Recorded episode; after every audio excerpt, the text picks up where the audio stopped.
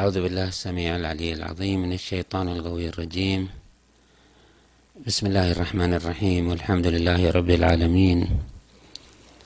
والصلاة والسلام على أشرف الأنبياء والمرسلين سيدنا وحبيب قلوبنا أبي القاسم محمد.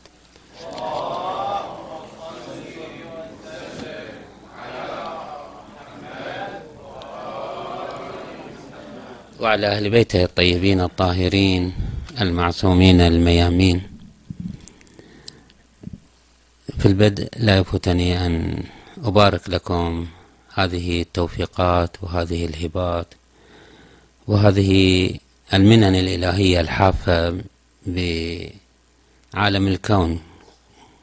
كله راجين من الله عز وجل أن يوفقنا وإياكم إلى استثمار هذه الآيات والمنن والأنوار. التي سوف تنتثر خلال الأيام المقبلة كما انتثرت في الأيام المنصرمة. الاستعداد والتهيؤ للدخول في هذه المنحة الإلهية تحوجنا أن نعرف ما الذي هو مقدم ما الذي هو معد لنا ما الذي نريد أن نحظى به لكي نوفر الأرضية الصالحة لاستقبال هذه العطايا.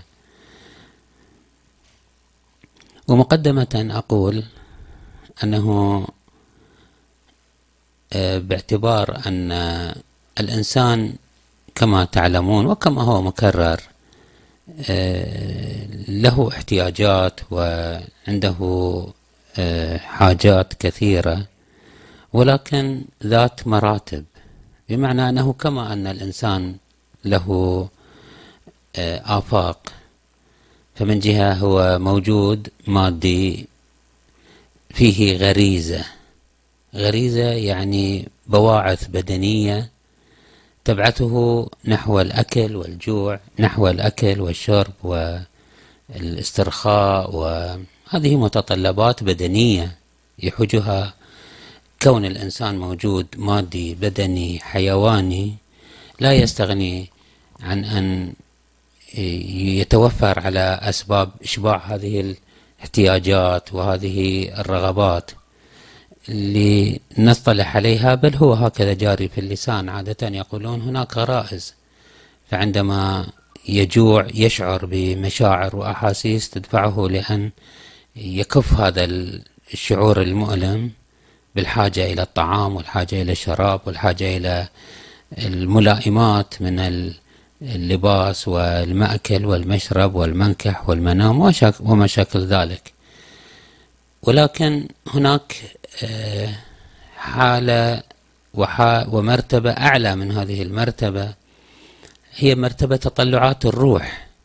إذا الإنسان لن يكتفي مهما أوتي من أسباب الشبع المادي من المأكل والمشرب وما شاكل ذلك وحرم من الكرامة والعزة والحرية فإنه لا يشعر بالاطمئنان والسكينة لأنه ليس مجرد بدن بل هو بدن وروح. طبعا هذا في في آه نعم خطوط عريضة وإلا الإنسان كما قد يفهم من بعض النصوص الدينية أنه له أكثر من أفق وأكثر من مرتبة قد تتجاوز الأربع مراتب.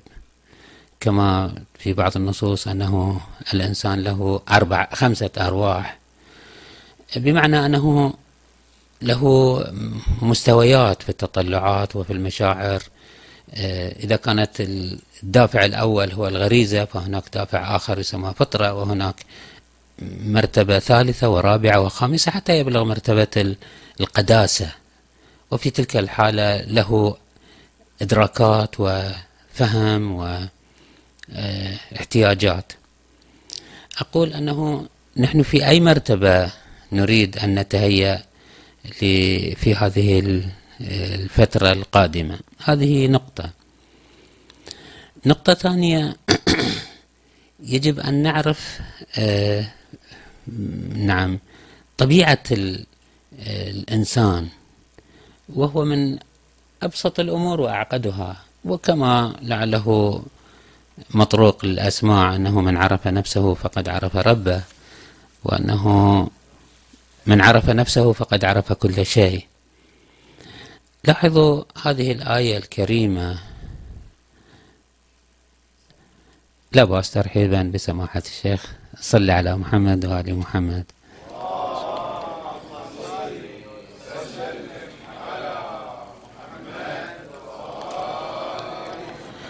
أقول أنه استهداء بهذه الآية الكريمة عندما يقول الله عز وجل أمن هو قانت آناء الليل ساجدا وقائما يحذر الآخرة ويرجو رحمة ربه. لاحظوا هذا المقام هذه المرتبة العالية لهذا الموجود البشري عندما يصل إلى هذه الحالة من الرقة والنعومة والنورانية بحيث يعيش حالة آه، الانقطاع إلى الله عز وجل والقنوت والاتباع والطاعة في ليله ونهاره ساجدا وقائما في حالة آه، اضطراب بين الحذر من الآخرة ورجاء الرحمة الإلهية. يلخصها القرآن الكريم بأنه قل هل يستوي الذين يعلمون والذين يعلمون؟ هذا تدور مدار العن والآيات القرآنية القرآن الكريم كثيرا ما لعله في أكثر من خمسة ستة موارد يطلق هذا اللفظ الذين يعلمون والذين لا يعلمون من غير أن يذكر المتعلق العلم. ماذا يعني أن يعلم وماذا يعني أن لا يعلم؟ يرجو رحمة ربه هل يستوي الذين يعلمون والذين لا يعلمون؟ بماذا يعلم؟ وبماذا لا يعلم؟ كأنه آه، هناك من الوضوح بمكان أن العلماء لا يتساوون مع غير العلماء. أما بماذا العن؟ بماذا؟ ما, ما الذي يحقق حقيقة العن؟ لكي يحقق الحالة المرجوة التي هي آه، تحقق القنوت. القانتات القنوت هو الانقياد والطاعة والاستسلام والانسياق مع التدبير والإرادة والمشيئة الإلهية. وهذه الحالة تكون أنا الليل أنا الليل ساجدا وقائما. هذه الحالة تحتاج إلى أن يكون من العالمين. هناك اصطلاحان متقاربان جدا لعله كثيرا ما يحصل بينهما حالة من التداخل في الاستعمالات العرفية وهي مسألة العلم والمعرفة. يقال هذا يعرف هذا الشيء ويعلم به. فهل هما مترادفان؟ بمعنى واحد من أتصور أنه آه، العلم يتعلق بالكليات. لذلك نقول علوم علم النفس علم الطب علم التجويد علم النحو هذه المعارف في بعدها الكلي تسمى علوم. والمعرفة تتعلق بالوجودات الخارجية المتشخصة. أعرف زيدا أعرف عمرا. ولذلك لا أقول أعلم نفسي وإنما أعرف نفسي أعرف الله. لا أنه أعلم الله أعلم العلوم الكلية. بتعبير آخر أو من زاوية أخرى العلم يتعلق بالصور الذهنية والمعرفة تتعلق بالمصادق الواقعية الخارجية. عندما يقولون عرفان غير علم العلم هي تصورات كلية لعله تصورات حتى في اصطلاحات علوم العرفان أيضا لا تعدو أن تكون مجرد قواعد, وقوانين واصطلاحات لا تغور في أعماق واقع الإنسان. أما المعرفة هو أن تحيط النفس بواقع المعلوم. لذلك يقولون أن حقيقة المعرفة هي إحاطة مجرد بمجرد. أن يكون هناك امتزاج أن يكون هناك تداخل. أن يكون هناك تمام التفاعل. ولذا نجد أن العلوم قد يحظى بها من لا يقرب إلى الله عز وجل. والمعرفة عادة ما تكون سبيلها هي آه، الاتصال بالله عز وجل والعلقة مع الله عز وجل. وهذا هو حقيقة العقل. عفوا أنا قد أسهب في هذه المقدمات لأن نريد أن نقرر كثير من الاصطلاحات التي سوف تكون هي مدخل لحواراتنا في هذا الموضوع. عليكم السلام ورحمة الله. مساكم الله بالخير مشايخنا الكرام. العقل آه، يقال هذا إنسان عاقل آه، بمعنى أنه ذكي وفطن ومستجمع. لمجموعة كبيرة من المعارف والعلوم ولكن آه، ما يمكن أن يستظهر من النصوص الدينية كهذه الرواية الواردة عن الرسول صلى الله عليه وآله تقول ما قسم الله للعباد شيئا أفضل من العقل فنوم العاقل أفضل من سهر الجاهل وإقامة العاقل أفضل من شخوص الجاهل. يعني مهما كان العاقل قليل العمل لعله ينام مقابل سهر الجاهل ولا يطوي المسافات لا يقطع الفيافي نشاطا وحيوية وبحثا عن المعارف.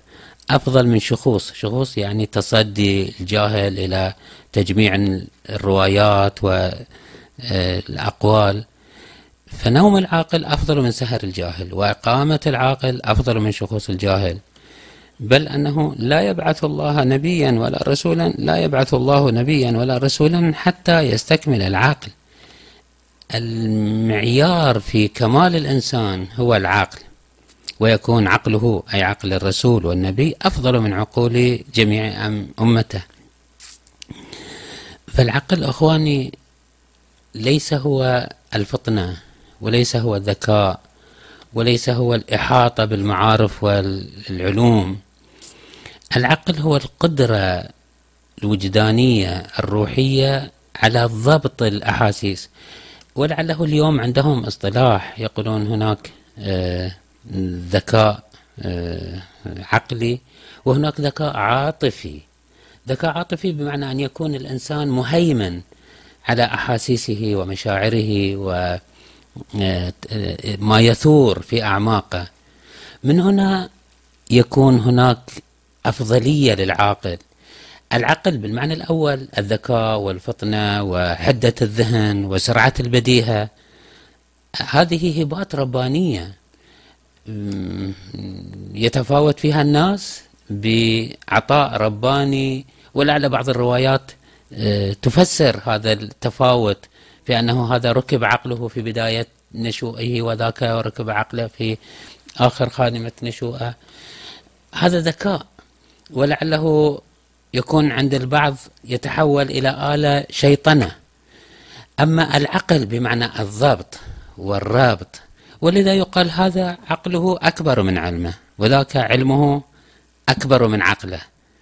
العقل بمعنى الربط والضبط والتوازن والقدرة على آه، نعم ضبط التفاعلات الداخلية هذه تحتاج إلى مؤونة تحتاج إلى مراس تحتاج إلى آه، جهد تحتاج إلى دربة. دربة يعني تكرار عملية آه، ولذا الإنسان يحتاج إلى أن يمارس عملية التنقيح والضبط والربط والتعقل طوال العمر. منذ بداية الإنسان منذ نشأته منذ أن تبدأ تنضج عنده آفاقه الفطرية بعد أن يتجاوز مرحلة الغريزة. لأنه قلنا أن الإنسان يعبر مرحلة تسمى مرحلة الغريزة وهي الدوافع البدنية الطبيعية منذ نشأة الإنسان في طفولته وهو يتحرك تجاه الغذاء والمأكل والمشرب وأسباب العيش. هذه دوافع غريزية طبيعية تصاحبه منذ نشأته إلى نهاية عمره. ولكن في مرحلة من مراحل ترقي الإنسان آه، تبدأ عنده حالة تطلع إلى الكرامة والعزة والتحرر والانطلاق في عالم الأنوار والهداية. هذه المرحلة تسمى مرحلة الفطرة. هذه مرحلة الفطرة وإن كانت متأخرة ولكن يفترض أن تكون هي المهيمنة هي الضابطة هي المسيطرة. ولذا يقال أنه كم من عقل أسير تحت هوى أمير. عندما تبقى الغريزة آه، مطلقة العنان ومتسيبة غير منضبطة فإنها تربك ما نشأ في عقل الإنس في الإنسان من عقل وفطرة. فتبقى هذه القوى الحادثة متأخرة وإن كانت هي المتن هي الأصل هي المحور هي اللب. كما تعبر الآية القرآنية عندما تقول هل يستوي الذين يعلمون والذين والذين لا يعلمون؟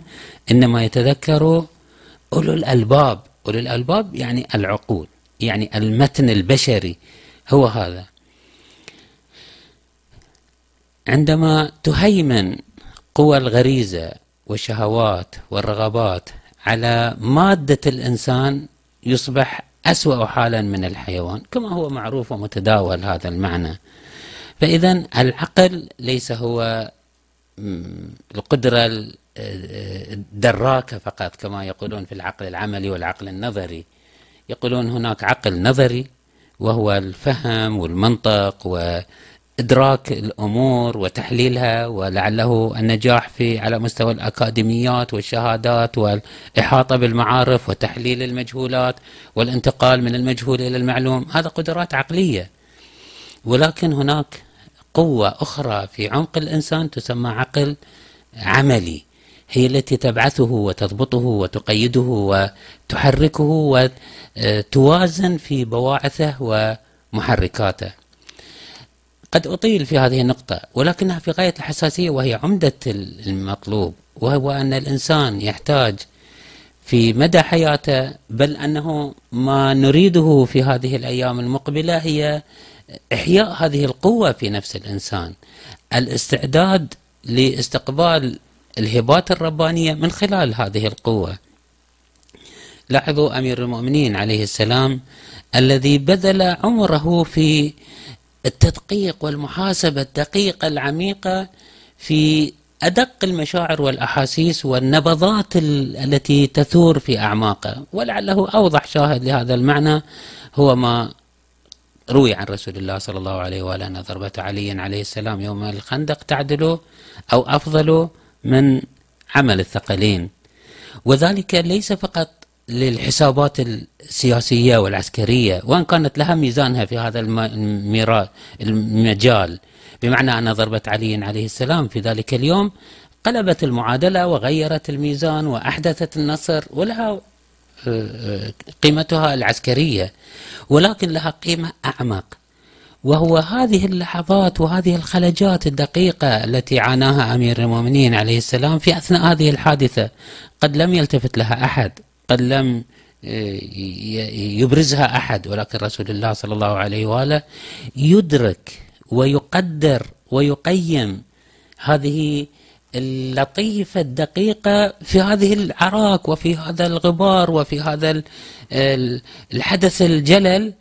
الرسول صلى الله عليه وآله لا يفوته قيمة هذا العمل في أعماقه وهو هذا التلخيص الدقيق والفلترة الشديدة من أمير المؤمنين عليه السلام لخوالجه ودوافعه وانفعالاته.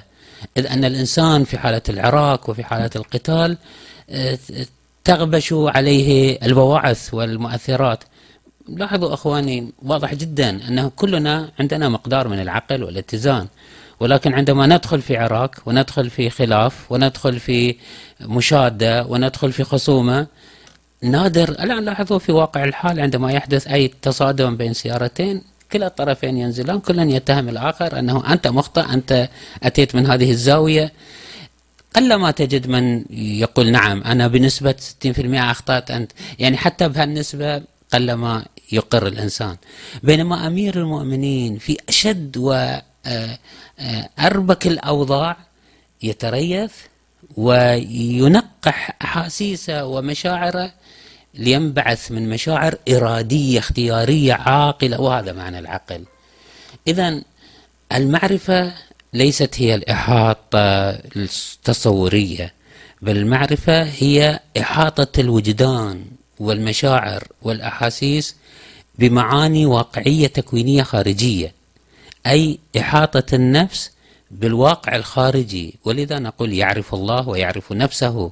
بينما العلم هي مجرد تصورات كلية نتصور جبل من ذهب ونتصور كما يعبرون عادة بحر من زئبق ولكن لا واقع لا, لا لهذا ولا لذاك. وإنما عندما تعرف الله يعني تحيط علما ب نعم. بحقيقة معينة خارجية. الآن هل يمكن معرفة الله ولا يمكن أو لا يمكن ذلك؟ هذا كلام آخر وبحث آخر. إذا هل يستوي الذين يعلمون؟ يعني يعرفون. يعني وصلوا إلى حقيقة العلم. حقيقة العلم هي المعرفة. والمعرفة تحتاج إلى عقل تحتاج إلى قدرة. وعند ذاك عندما ينقي الإنسان هذا الغبش وهذا الغبار فإنه تنفتح أمامه ولعله كلنا سمعنا بهذه الرواية أنه أصحاب الرسول صلى الله عليه وآله يقولون له نحن إذا كنا معك فإنه نغفل عن العيال والأموال وترق قلوبنا ولكن إذا ذهبنا إلى المنازل وإلى السوق فإنه تذهب عنا هذه الحالة. فقال لهم رسول الله صلى الله عليه وآله كما يروي ذلك الإمام الباقر عليه أفضل الصلاة والسلام لو بقيتم على ما أنتم عليه معي لصافحتكم الملائكة ولمشيتم على الهواء وعلى الماء. ولولا أن الشياطين يحومون على قلب بني آدم لنظروا إلى ملكوت السماوات والأرض. لو أن الإنسان أصبح عاقلا لقدر أن ينظر إلى ملكوت السماوات والأرض.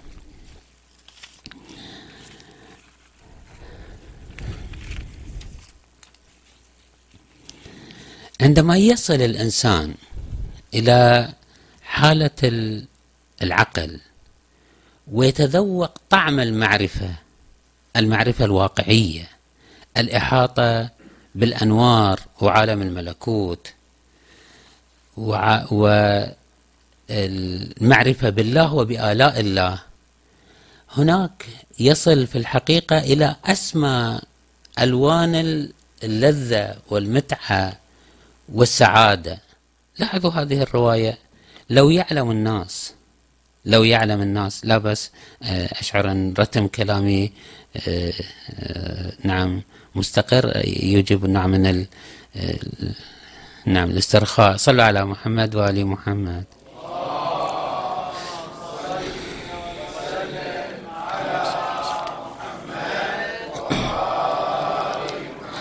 لو يعلم الناس ما في فضل معرفة الله.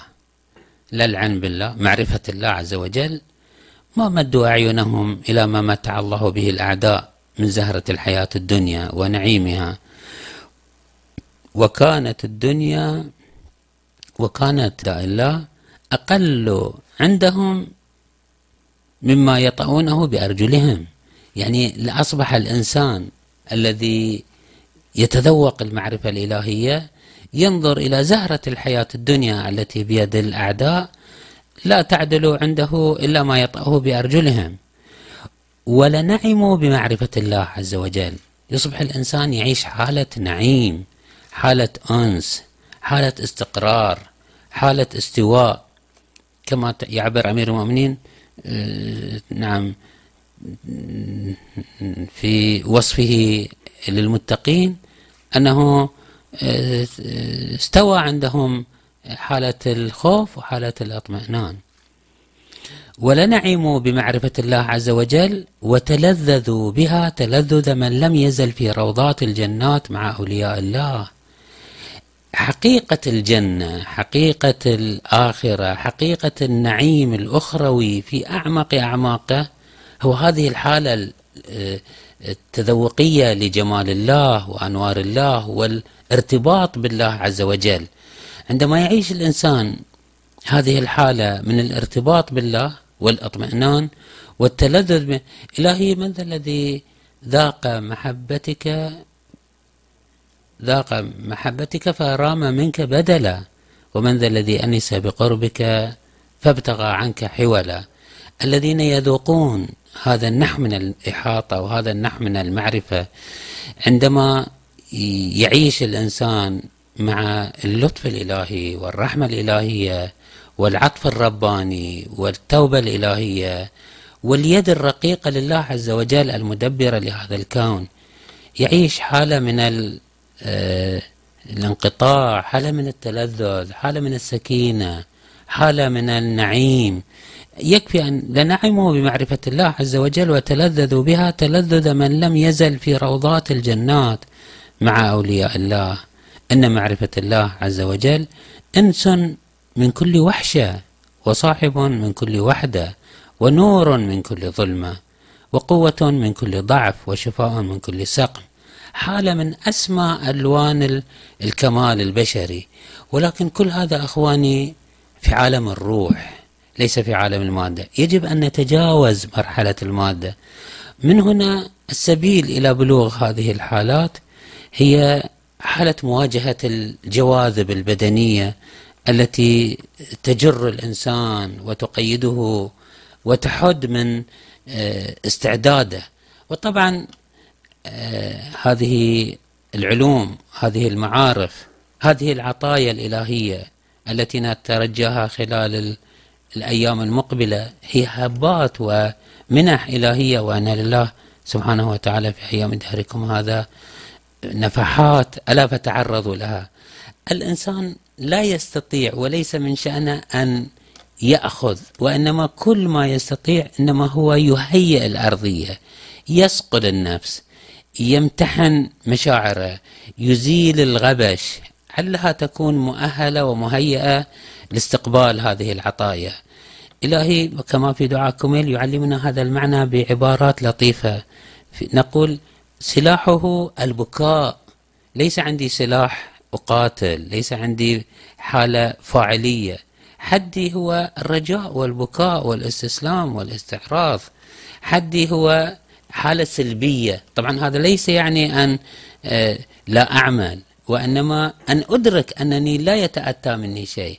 ولذا في نهاية مطاف حديثي أقول هذا المعنى. الحراك والانطلاق في هذا العالم في عالم المعرفة وفي عالم التعقل يجب أن نقر لكي نتحرك. يجب أن نجمع بين ثلاث مواد. كنت أقول لبعض الأخوة هذا المعنى. الإنسان في انطلاقه نحو الرقي أشبه ما يكون بهذا الصاروخ الذي ينطلق يقولون هذه الأيام صواريخ طاقة نعم آه، مادية. على كل حال أتجاوز المصطلحات لأنني لا أجيد فيها. هناك ثلاث عناصر عندما تجتمع تحدث وقودا وانفجارات هائلة في النفس تحدث الانطلاق وهي الإقرار بالضعف والإقرار بالفقر وأن يدرك الإنسان كم هو مسكين كم هو فقير كم هو عديم الحيلة بين يدي الله. لا لا يتصور أنه أنا الآن سوف أدخل هذا الشهر الكريم وبعزيمة وبجد وبإرادة ادخل وأنت مقر بنا. وهذا هذا الشعور ليس مجرد تصور أخواني. هذا الشعور يتولد من حالة مجاهدة النفس والشعور بالانكسار ومغالبة النفس. عندما يقول أمير المؤمنين عليه أفضل الصلاة والسلام في سجدته إلهي قلبي محجوب ونفسي معيوب. هذا نتاج معاناة نتاج آلام وهو يغالب نفسه. وكلما غلبته نفسه تراكمت عنده هذا الشعور. الشعور بالضعف الشعور بالحاجة الشعور بالفقر الشعور بعدم المكنة. وهذا هو المادة الأساسية والعميقة التي تحدث عندنا انطلاق إن شاء الله إلى الاتجاه إلى الله عز وجل. الأمر الثاني الذي يجب أن نستحضره وليتفاعل مع الأمر الأول ليحدث حالة الانطلاق هو الأمل بالله عز وجل والتعلق ب والرجاء بالله عز وجل. الروايات هكذا تقول إن الله عز وجل خلق ماءة رحمة يوم خلق السماوات والأرض. كل رحمة منها أو كل رحمة منها طباق السماء والأرض. يعني من هذه المئة رحمة كل رحمة بهذه السعة. فأهبط رحمة. كل ما يوجد في عالم الكون في هذه المرحلة الوجودية هي رحمة من مئة رحمة. هذه الرحمة التي أهبطها الله فيها تراحم الخلق وبها تعطف الوالدة على ولدها وبها تشرب الطير والوحوش وبها تعيش الخلائق. حتى بعض الروايات تقول أنها إذا رأيتم الدابة ترفع قدمها لكي آه، ترضع منها يرضع منها صغيرها. هذه أيضا من هذه الرحمة. يعني هذه الرحمة التي سرت في كل هذا الكون هي رحمة من مئة رحمة. يوم القيامة الله جل وعلا ينزل هذه المئة رحمة. حتى يقال أن الشيطان يطمع في أن عندما يرى هذه الهبات الإلهية الله أرحم الراحمين. يقال أن بعض العامة كانوا يقولون أنه ليس العجيب آه، أنه من نجا كيف نجا وإنما العجيب من هلك كيف بالعكس كان يقول ليس العجيب من هلك كيف هلك وإنما العجيب من نجا كيف نجا. يعني في هذه الدنيا الامتحانات صعبة والإنسان ضعيف فليس العجيب أن يهلك الناس. كل الناس يهلكون. الأصل أن الناس يهلكون. العجيب أنه كيف ينجو الإنسان في هذا الكون. فلما سمع ذلك الإمام زين العابدين عليه السلام قال لا الحال ليست كذلك. ليس العجيب أنه من نجا كيف نجا وإنما العجيب من هلك على الله كيف هلك. الرحمة الإلهية عميمة. الرحمة الإلهية لا يهلك على الله إلا هالك. يعني الله جل وعلا أنه لا يدخل الجنة إلا من أبى. كلنا ندخل الجنة إن شاء الله. إلا من أبى من استعصى من شرد على أهله شراد البعير كما تعبر بعض الروايات. الرحمة الإلهية عميمة. الرحمة الإلهية شاملة. الرحمة الإلهية هي الأصل.